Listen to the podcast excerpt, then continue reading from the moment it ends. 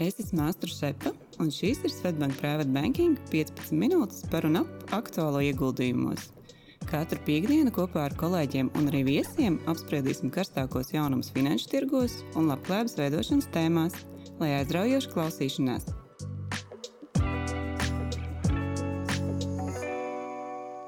Sveiciens Private Banking klientiem! Šodienas epizodē esmu kopā ar vecāko privātu banķieru Ventu Riņķi. Čau, Vent! Čau, Astra! Un šodien ar Ventu mēs plānojam pastāstīt nedaudz par uh, februāra notikumiem finanšu tirgos un ekonomikā, un arī varbūt kā ir kopumā veicies kopš gada sākuma. Un, ja tā skatāmies tieši uz februāra datiem, tad februārī uh, finanšu tirgi ir bijuši gan svārstīgi, bijuši gan kāpumi, gan kritumi. Tādā kopējā griezumā februārī ir pat varbūt atsevišķi reģionu vai indeks, kas ir rādījuši nelielu kritumu. Taču nu, kopumā, skatāmies kopš gada sākuma, jebkurā gadījumā tirgi uzrāda labu atkopšanos no 22. gada rādītājiem. Un, ja skatāmies tādā kopējā pasaules indeksā, MSCI World indeks, kurā ir iekļauts 1500 lielie un vidējie uzņēmumi 23 attīstītajās valstīs, kopš gada sākuma ir pieaudzis par vairāk kā 4% ja skatāmies tā kā pāanalizējām nozaru griezumā, tad, tad visvairāk ir ieguvu, ieguvusi tā sauc, angliski sauktā consumer discretionary, jeb cikliskā patēriņa preču nozare. Nu, ar to saprotat, principā ne pirmā ne pirmās nepieciešamības patēriņa preces, kas ir luksus preces, automašīnas, elektronikas preces un arī izklaides nozares pakāpojumi, tad šīs nozares ir pieaugušas par 12%, ko mēs varētu skaidrot iespējams gan ar gan labo ekonomisko situāciju un cilvēku vēlmu tērēt, kā arī iespējams to, kad, kad kāpjot procentu likmēm un sabremzējoties nekustamo īpašumu iegādēji, uz mājokļu iegādi neiztērēto līdzekļu savukārt tika novirzīti citām precēm un tēriņiem. Savukārt, ja skatāmies lielāko kritumu nozaru griezumā šajā pasaules indeksā, tad, tad vislielāko kritumu, kas gan ir tikai 5%, ir pie, piedzīvojusi veselības aprūpes un farmācijas nozare, kas varētu būt visticamāk saistīta ar Covid ēras beigām un to, ka šīs nozares spēlētāji bija ļoti lieli ieguvēji iepriekš. Es zinu, ka to arī apskaties tieši par februāra datiem, kā izskatās nozaru griezumā februāris. Nu, februāris, jā, nu, globāli tad eh, stabilākās nozares bija tieši IT, kas patiesībā strauji arī auga janvārī, un rūci, rūpniecības nozare. Sliktāk rezultāti bija izaivielu ieguves nozares uzņēmumiem, enerģētikas un arī utilities, nu, ko Latvijas varētu saukt par komunālo pakalpojumu nozari. Mm -hmm. Jā, un ja mēs skatāmies tādās galvenās ziņas un gaidas, kas ir ietekmējuši finanšu tirgus šogad un, uh, un visticamāk arī turpinās ietekmēt, tad tas ir joprojām saistīts ar uh, globālās ekonomikas inflācijas datiem un investoru gaidām par pamatā Fed un ECB nākotnes lēmumiem. Un kā kopā ar Sergeju mēs stāstījām arī janvāra rezultātu epizodē februāra sākumā, tad vismaz gada sākumā un īstenībā arī februāra sākumā finanšu tirgos vadīja optimisms attiecībā uz to, ka visticamāk Fed un ECB likmes būtiski vairs necels, un ka gada otrajā pusē tās varētu griezties uz otro pusi. Bet uh, savā ziņā var teikt, ka pateicoties ļoti iepriecin, nu, iepriecinošiem, bet jā, pozitīviem patēriņa datiem un, un, un, un arī da, darba spēka datiem. Uh, Rodās bāžas, tā skaitā investoru starpā par to, kad, kad šie griezti vēl netiks sasniegti, tomēr tuvākajā nākotnē. Ja mēs tā pāanalizējam šos kā, inflācijas da datus ietekmējošos faktorus, tad tie, kas sākotnēji bija, bija pie vainas pie straujās inflācijas attīstības, kā, kā pandēmijas ietekme un energoresursu cenu kāpums. Šie visi kā vairs, kā saka, nav, nav aktuāli. Tomēr, tomēr ir parametri, kas neļauj inflācijas jautājumam viegli atrisināties. Un eh, šobrīd galvenais inflācijas pamats ir pakalpojumu sektors, ko vairāk tieši ietekmē darbinieku atalgojums. Un, ja mēs apskatāmies uz G7 valstīm, tad 6 no G7 valstīm bezdarba līmenis ir vēsturiski zemākos līmeņos, kas savukārt traucē inflācijas samazināšanai līdz, līdz šim plānotajam 2% līmenim. Un, uh, Pēdējā laikā gan daudz presē jau lasīt arī ekonomisku viedokļu par to, ka iespējams ideālais inflācijas mērķis vairs nav 2%, bet gan augstāks, varbūt 3 vai 5%. Bet jā, Venta, varbūt pastāst, ko, ko Fetch šajā sakarā saka un domā un dara. Nu jā, Fed šo mērķi noteica jau tālākajā 2012. gadā. Bet nu, jāsaka, ka viņi ir ļoti nepiekāpīgi un nav gatavi atkāpties no šā 2% mērķa inflācijas. norādot, ka šie ieguvumi uh, visticamāk būs mazāki kā iespējamie riski, un cenu stabilitāte ir ļoti būtiska. Tā kā, nu, visticamāk, ka tuvākajā laikā uh, šis mērķis netiks pārskatīts. Bet, nu, ja mēs paskatāmies tuvāk uz situāciju ASV, tad bezdarba rādītāji nu, tiešām ir ļoti, ļoti zemi. Janvāra bezdarba līmenis bija tikai 3,4%, kas ir zemākais rādītājs. Ja, nu, pēdējo 53 gadu laikā. Februārī bija vērojams mazāks jaunu bezdarbnieku pieteikumu skaits. Tā rezultātā, kā jau minēju, arī saglabājās spiediens uz algām un tās turpina augt. Ja sekojam līdzi lielo tehnoloģiju uzņēmumu paziņojumiem, tad nu, tas, tas tā interesanti, jo viņi ar vien vairāk un vairāk atlaiž darbiniekus un arī paziņo par uh, jauniem plāniem atlaist. Bet uh, šeit arī iezīmējas tendence, kas iespējams pat ir pozitīva ka šos darbiniekus arvien vairāk piesaista šie mazie uzņēmumi, startupi, jeb jaunu uzņēmumi, kam agrāk bija grūti konkurēt ar big tech uh, uzņēmumiem. Un arī tieši šo jaunu uzņēmumu starpā iezīmējas uh, tāda tendence, ka tie arvien vairāk specializējas tieši klimata jautājumos. Un, uh, pēc McKinsey aplēsēm pagājušo gadu uh, šajā šajā jomā varētu būt pieejama liela līdzekļa, jo, lai sasniegtu šo net zero, jau nulles emisijas mērķi 2050. gadā, par ko stāstīja arī Mārtiņš un Maija 10. februāra epizodē. Tad kopēji ieguldījumi šajā jomā varētu būt līdz pat 275 triljoniem dolāru, kas ir ap 9 triljoniem gadu. Un, ļoti iespējams, ka šāda darbinieku rotācija nāks mums arī visiem par labi par labu. Un uh, jau dzirdam tādus lozungus kā no From Big Tech to Climate Tech. Jā, nu izskatās, ka tā klimata teka varētu būt jaunā, jaunais karstais segments. Un, tā iekomentējot par lieliem tehnoloģijas uzņēmumiem, vismaz apskatoties uz šī gada akciju sniegumiem, tad, tad izskatās, ka šīs darbinieku atlaišanas vai nu nāk par labu, vai vismaz katrā ziņā negatīvi neietekmē nu, šo uzņēmumu. Protams, jā, ietekmē tikai pozitīvi. Bet februārī iznāca arī dati par ASV mazuru tirzniecības pārdošanas apjomiem, un pēc tāda divu mēnešu pauzītes um, atkal šie apjomi sāk augt. Uh, pie tam lielāku apgrozījumu nebūtu nenodrošina pirmās nepieciešamības uh, preces, nu, teiksim, pieaugums. Ja, tad ir vairāk tieši uh, dažādās uh, lietās, kā automobīļs un tam līdzīgi. Un tas visticamāk ir izskaidro, kādēļ šīs nozares uzņēma akcijas uzrāda labāku rezultātu šogad, kā tu minēji.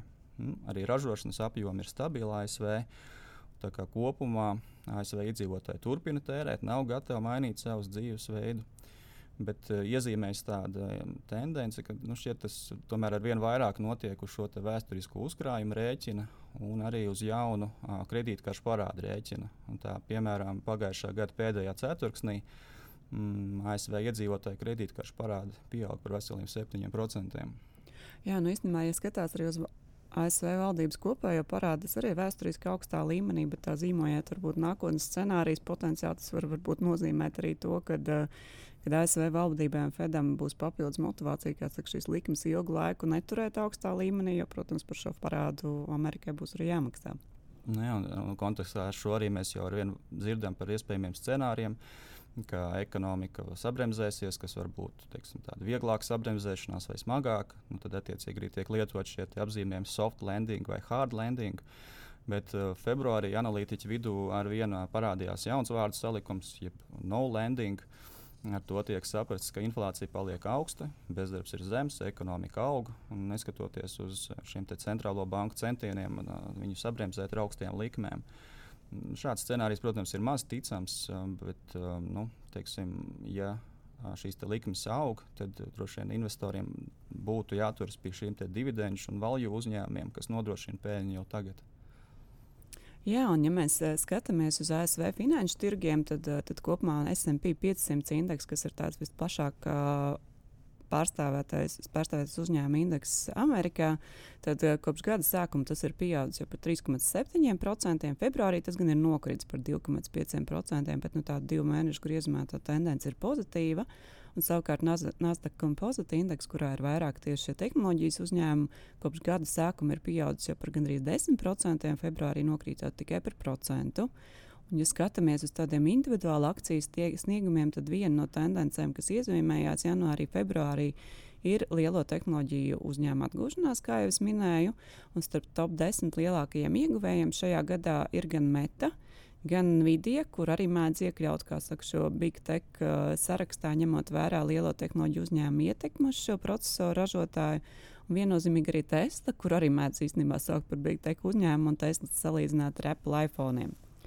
Ja runājam tieši par TETu, kur ir šī uh, SMP ieguvēju pašā, pašā augstga, augšgalā, un šogad ir augus visstraujāk par 67%, tad atgādināšu, ka 22. gadā tā nokrita par 65%. Un, runājot par Teslu, tad 1. mārta Bloomberg analīzē minēts, ka, kad izskatās, ka Elonam Maskam ir izdevies likt investoriem aizmirst par pagājušā gada lēnāko izau, lēnāku izaugsmu, nekā bija plānota, un arī par Twitter pirkumu. Un izskatās, ka ir nostrādājuši uh, pieeja piedāvāt atlaides par Teslas modeļiem līdz pat 20%, kas ir uh, atjaunojis pieprasījumu pēc Teslām gan labā līmenī.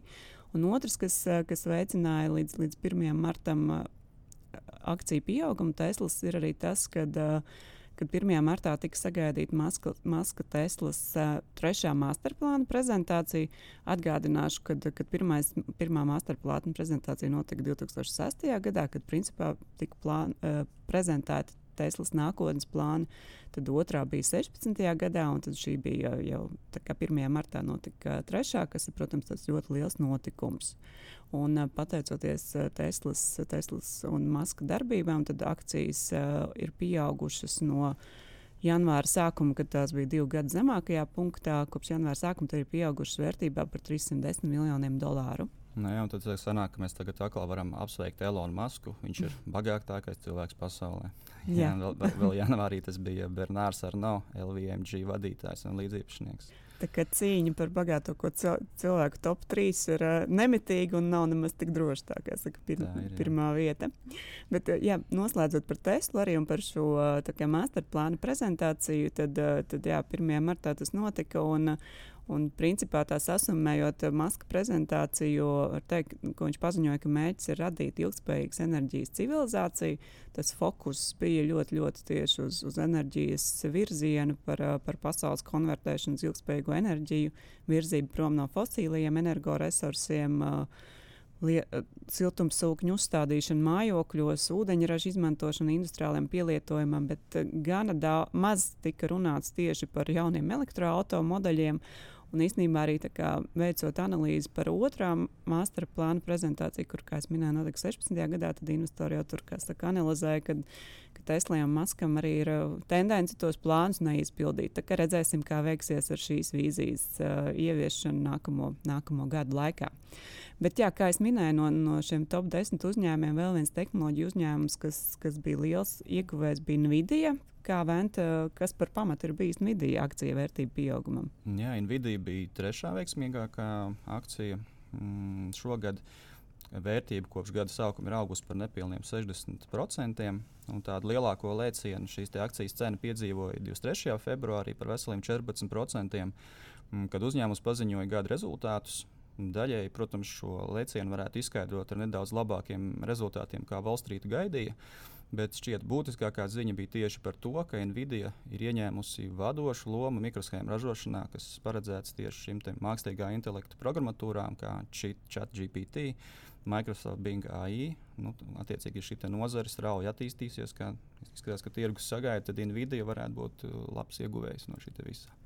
Jā, šī mākslīgās inteliģences joma, no kā iegūst arī Nvidia, tā noteikti ir viena no karstākajām ziņām pēdējās, pēdējos mēnešos, un šobrīd notiek šo lielo tehnoloģiju milzu cīņa. Mākslīgās inteliģences jomā viena no galvenajām ziņām jā, bija Microsoft vēlme un uh, apņemšanās ieguldīt papildus 10 miljardus uh, dolārus uh, tehnoloģiju uzņēmumā OpenAI kas ir šis ChatGPT tehnoloģijas turētājs. Papildus arī pēdējā mēneša laikā iznāca ziņa par, par alfabētu, jeb, jeb Google konkurējošo produktu Bard, kurš gan izmaksāja alfabetam ļoti īsā laikā 120 miljardus dolāru kapitalizācijas vērtības kritumā, jo brīdī, kad tika prezentēts Bard publiski, tad, diemžēl, aplikācija pieļāva kļūdu un, un investori nebija pārāk piedodoši par šo kļūdu. Tā kā, jā, tā kā tie galvenie ieguvēji izskatās, ir tehnoloģija uzņēmumi Amerikā bijuši, bijuši šī gada sākumā. Papildus starp uh, lielākajiem piegā, pieaugumiem iezīmēs arī veselības aprūpe un uh, farmācijas nozara, kas ir interesanti, jo, jo šī pati nozara, kā jau minēju, iezīmējas arī starp uh, lielākajiem zaudētājiem, bet jā, iega, ieguvējs starpā ir bijis Catalent, Line Technology un West Pharmaceutical Services. Savukārt starp lielākajiem zaudētājiem top 5 īstenībā ir bijis Pfizer un Moderna, nu, kas droši vien izskaidrojams ar šo šo spēlētāju lielajiem ieguvumiem uh, Covid pandēmijas laikā. Tā kā jā, bet sasumējot, sasumējot kopumā par Amerikas tirgu un, un par mūsu Svetbanka piedāvātajām ieguldījumu iespējām šajā tirgu, tad, tad atgādināšu, ka mēs arī piedāvājam dažādus šos diversificētos indeksu fondus, robotu fondus. Un, un, ja mēs skatāmies uz šo SMP indeksa vēsturisko sniegumu, tad augstāko punktu tas sasniedz 21. gada beigās, un, un pret šo brīdi, pret šī 21. gada beigām, šobrīd ir kritums 16%, kas cerams varētu nozīmēt, ka uzņēmuma ASV uzņēmuma akcijām ir potenciāls augt. Nasdaq kompozīta augstākais punkts arī bija 21. gadā, un pret to brīdi tā kritums ir 28%. Attiecīgi, jā, ja ir vēlme ieguldīt ASV fondos diversificētos, tad viena no opcijām ir, ir Robot Access Edge USA fonds, no kā 28% ir tieši tehnoloģiju uzņēmumi. 17% finanšu pakalpojumu un 14% veselības aprūpe. Un lielākie ieguldījumi šajā fondā ir uh, tieši Apple, Microsoft un Amazon. Bet jā, tad, tas par Ameriku. Vēnt varbūt ieskicē, kas noticis Eiropas tirgu šī gada sākumā. Ja. Arī runājot par Eiropu, jāsāk ar inflāciju un likmēm. Janvāra apskatā jūs ar Sergeju jau minējāt, kad um, februāra sākumā Fed pacēla uh, šo centrālās bankas likmi par 25 bāzes punktiem. Tam sekoja arī Eiropas centrālās bankas lēmums likmi pacelt par 50 bāzes punktiem. Un, principā, tirgus sagaida, ka 16. februārī būs nākamais uh, likmes lēciens par 50 bāzes punktiem. Un, uh, nu, ja mēs runājam par likmēm, tad šķiet, ka varētu tomēr būt, ka uh, tās sāk šo inflāciju sabremzēt, tad uh, Eirozonā tā ir nokritusies no 10,6 rudenī uz 8,5 janvārī. Uh, tomēr šī pamatinflācijas rādītājs saglabājas augsti. Un šonadēļ arī iznāca ziņas, ka Francijā, Spānijā un arī Vācijā inflācija februārī nedaudz, bet atkal uzņem tempus. Nu, tas visticamāk atkal radīs spiedienu uz ECB lēmumiem šīs likmes celt vēl vairāk. Jā, par, par ECB runājot, tad tas jau kādas divas nedēļas atpakaļ, bet Valentīna dienā ECB nāca klajā ar tādu labas humora, humora izjūtas demonstrāciju. Savā profilā LinkedIn nopostojot uh, dzējoli Roses are red, violets are blue, we will stay the course and return inflation to two. Tā kā tas tāds papildus droši vien signāls dažādos formātos investoriem, ka viņi mēģinās noturēt šo kursu. Maiks mājiens. Maiks mājiens ar humoru izjūtu, bet, bet jā, kā es minēju arī sākumā, tad, tad arī tas investoru redzējums ir pamainījies un šobrīd jau, ja pirms neilga brīda, brīža investori paredzēja, ka tā ECB likuma varētu sasniegt savu maksimumu pie 3,5%, tad šobrīd šis maksimums jau tiek prognozēts 4%. Bet eh, šīs ziņas arī ir ietekmējušas eh, obligāciju ienesīgumus, kas ir daudz mūsu klientu portfeļos. Un, uh, februāra otrajā pusē uz šo ziņu fonu lik, likmes atkal sāka pieaugt. Mm, tā piemēram, lielāko Eiropas valstu obligāciju īstermiņa ienesīgums tagad jau ir ap 3%. Savukārt investīcija reitinga korporatīvās obligācijas ienesīgums eiro jau ir virs 4%. Jā, Vēnt, varbūt pastāst arī mūsu klientiem par iespējām, ko mēs piedāvājam, ja ir interesi tieši par šiem obligāciju ieguldījumiem. Nu jā, tiešām šis pieprasījums un interese obligāciju virzienā ar vienu pieaug gan valsts, gan korporatīvo. Un, ja termiņš, teiksim, šī ieguldījuma termiņš ir īss, tad uh, var noteikti skatīties uh, valsts obligāciju virzienā, kas ir nu, ļoti, ļoti drošas. Nu, tomēr, ja vēlaties uh, lielāku ienesīgumu, uh, tad jādomā par korporatīvajām obligācijām. Un, nu, šeit tā izvēle ir tik liela, un, ja nav tāda konkrēta uzņēmuma, vai teiksim, nav vēlams uzņemties kaut kādu vienu uzņēmumu risku, tad noteikti ieteikt ieguldīt ar fondu starpniecību. Arī Svetbanka Robūra šādi fondi ir pieejami. Gan, gan šīs fonds, viens, kas iegulda investīciju reitingu obligācijās, gan arī tie, kas ir gatavi uz augstāku risku, un, bet tāpat laikā saņemt labāku ienesīgumu. Tad šie fondi nu, tad var izvēlēties šo augstu ienesīgumu obligāciju fondi, un, un šie fondi ir piemēroti ieguldījumiem vismaz trīs gadiem. Bet, uh, atskatoties uz Eiropu, tad nu, skaidrs, ka lielā mērā šo inflāciju un arī sekojošo straujo likumu pieaugumu izraisīja energoresursu krīze pēc Krievijas iebrukuma Ukrajinā. Tas jau tagad sāk gadu atpakaļ. Un februāris iezīmējās ar tādām labām ziņām, ka gāzes cena Eiropā ir nokritusi par 80% no šī augstākā punkta, kas bija vēl faktiski diezgan nesen augustā. Un cenas samazinājās pat līdz 21. gada septembra līmeņiem. Uh, Tas ir uh, gan pateicoties šiem siltākiem laika apstākļiem, gan uh, tiem daudziem taupības pasākumiem, bet es domāju, ka pats galvenais, kad uh, Eiropa ir spējusi atrast šos jaunus un alternatīvus piegādātājus. Un arī tāda laba ziņa, ka gāzes krātuves Eiropā joprojām ir kaut kur 65% pilnas, kas ir vidēji par 20% vairāk kā tas bijis iepriekšējos gados. Uh, Un, nu, varbūt tās cenas tik ātri nekrīt, jo šie krājumi vēl tika veidoti par dārgākiem, dārgākiem iepirkumiem. Jā, patiesībā iestrādājoties par, par energoresursu cenām, tad uh, arī ECB kontekstā īstenībā nā, tur tā, ka to valdes locekļu starpā tā vienprātība nav nemaz tik liela. Kaut kur divas nedēļas atpakaļ viens no ECB valdes locekļiem arī iznāca ar ziņu par to, ka, nu, ka viņa redzējums ir, ka ja arī šis likums tiktu celtas, tās no, tiktu celts mazākos apmēros un, kā saka, reto, retāk, varbūt pat atliekot to nākamo kāpumu līdz mājām. Viņa argumentācija tieši bija tā, ka tas energoresursu cenu kāpums ir nevis kāpums, bet kritums ir tik, tik strauji, ka iespējams, ja pateicoties tam vien varētu sasniegt šo 2% inflācijas mērķi.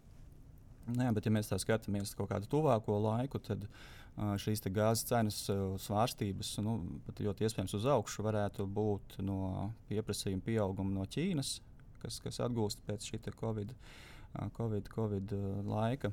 Un speciālisti arī norāda, ka gāzes cenas Eiropā pilnībā varētu normalizēties 2025. gadā, kad būtiski pieaugs tieši šīs atšķirinātās gāzes piegādes.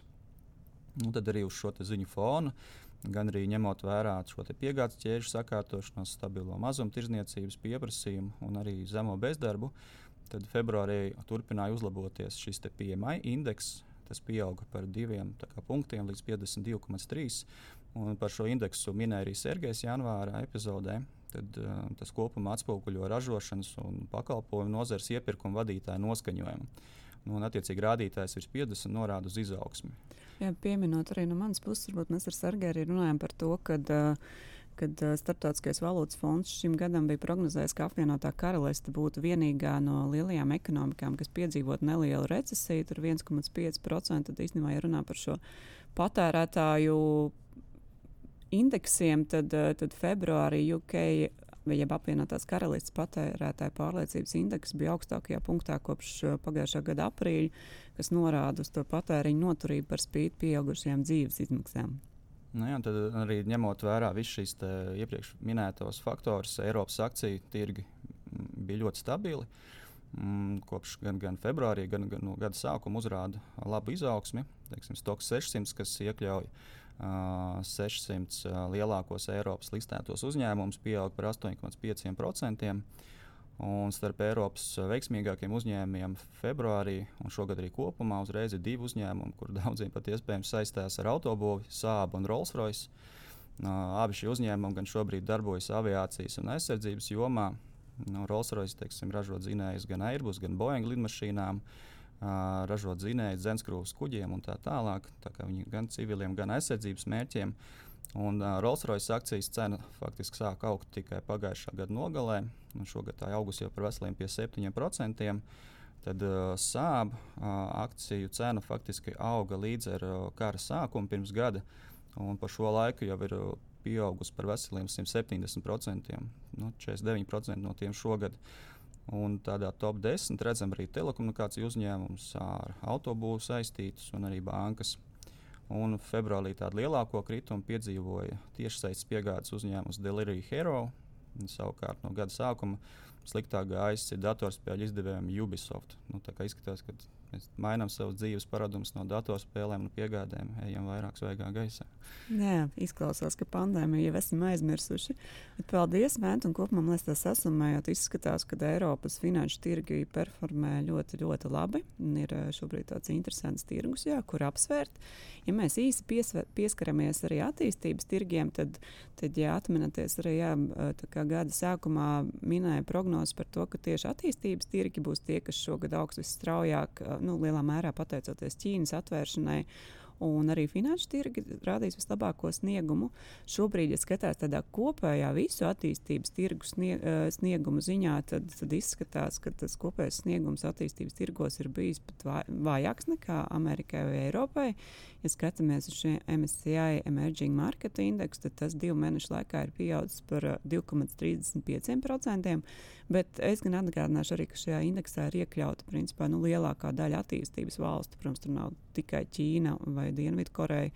Tur ir, tur ir arī citi tirgi. Atgādināšu arī, ka um, kad viens no tādiem lieliem, nu, teiktu, negatīviem notikumiem attīstības tirgos šī gada sākumā bija šī Indijā listētās Dānijas grupas uzņēmumu vērtības kritums, kas, kas ir nokritis no aptuveni mēneša laikā par 60%, jeb 145 miljardiem dolāru. Un kopumā attiecīgi šis Indijas SP BSS Sensex indeks ir bijis viens no retajiem pāris indeksiem, kas nu, globāli šogad uh, ir uh, kritis un piedzīvos kritumu par 2,9%. Bet nu, īstenībā man arī jāatgādina, ka Indija bija arī tas tirgus, kas pagājušajā gadā performēja vai nu, rādīja vienu no labākajiem sniegumiem. Jo, un, tā, attiecīgi, mēs paskatāmies uz uh, tirgiem kā Ķīna, Dienvidkoreja un Taivāna, tad šie finanšu tirgi rādījuši ļoti labu sniegumu. Attiecīgi, Šanhajas sekuma pozīcija indeksam pieaugot par 6%, Dienvidkorejas kospija par 8,4% un Taivānas indeksam gandrīz par 10%. Nu jā, es arī minēju par šo PMI indeksu, kas ir būtiski audzis Eiropā. Tad eh, šonadēļ, trešdien, iznāca ziņas, ka šis rādītājs būtiski audzis arī Ķīnā. Šis valsts oficiālais rādītājs pieauga uz 52,6, kas ir augstākais līmenis kopš 2012. gada. Un, eh, nu, tad atgādina, ka jā, šis rādītājs virs 50 jau norāda uz labu izaugsmi. Un, uh, uz šo ziņu fona Hongkongas Hang Seng indeks uzlēca par veseliem 4%. Un tāda vēl viena laba ziņa no Hongkongas, kad no trešdienas tur vairs nevajag valkāt maskas. Nu, faktiski Hongkonga bija viena no pēdējām valstīm, kur bija uh, masku val, valkāšana obligāta. Un šobrīd Azijas valsts sāk cīņu par turistu atgriešanu, kur skaits pēdējā laikā būtiski kritās. Bet nu, lielā mērā droši vien arī šos turistus atbaida šīs dārgās uh, avio biļešu cenas, kas ir tagad. Kopumā Āzija piesaista turistus ar dažādiem bonusiem, gan, gan piešķirot bezmaksas avio biļetes, gan atlaides kuponus un, un vēl visādas pasākumus, lai šie turisti atgrieztos. Un, ja runājam tieši par, arī, par Āzijas ekspozīcijām, tad, tad no Svetbanka produktiem, kas, kas fokusējās tieši, tieši uz Āzijas tirgiem, ir, ir gan tāds Robot Access Edge Emerging Markets fonds, kurā tieši 83% ir Āzijas tirgi. Otra opcija ir Access Asian, nu, kas ir tīri uz Āzijas tirgiem kur arī tie lielākie ieguldījumi ir tieši Tencentā, Taiwan Semiconductor un Alibaba. Bet jā, tas tā sasumējot par, par finanšu tirgus un ekonomikas sniegumu šajā gadā un februārī. Paldies, Liels Vent, par diskusiju. Un, uh, sasumējot, es teiktu, tā, ka nu, izskatās, ka, ja salīdzinām ar 22. gadu, tad, tad tirgi ir gana labi pieauguši kopš gada sākuma. Tirgi vēl joprojām gaida un reaģē uz centrālo banku rīcībām. Uh, Vēl viena lieta ir redzams arī tas, ka uh, tirgi vēl joprojām ir gan zemā punktā, ja salīdzina ar 21. gadu, kas bija tā, tas augstākais punkts, kas varētu nozīmēt, ka iespējams ir šis labais brīdis, lai veiktu ieguldījumus. Protams, arī atgādinām, ka nemēģinātu uzminēt labākos brīdus, bet gan ieguldīt diversificēti gan laikā, gan pa reģioniem, gan pa dažādām nozarēm. Tā kā, lai veicās ar ieguldījumiem, vēl lielisku dienu un paldies vēlreiz Ventam! Paldies tev. Un paldies mūsu klientiem, ka klausījāties. Redzīm.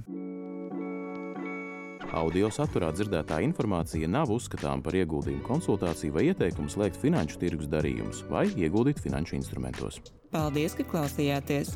Lai izdevusies diena un uz tikšanos nākamajā sarunā!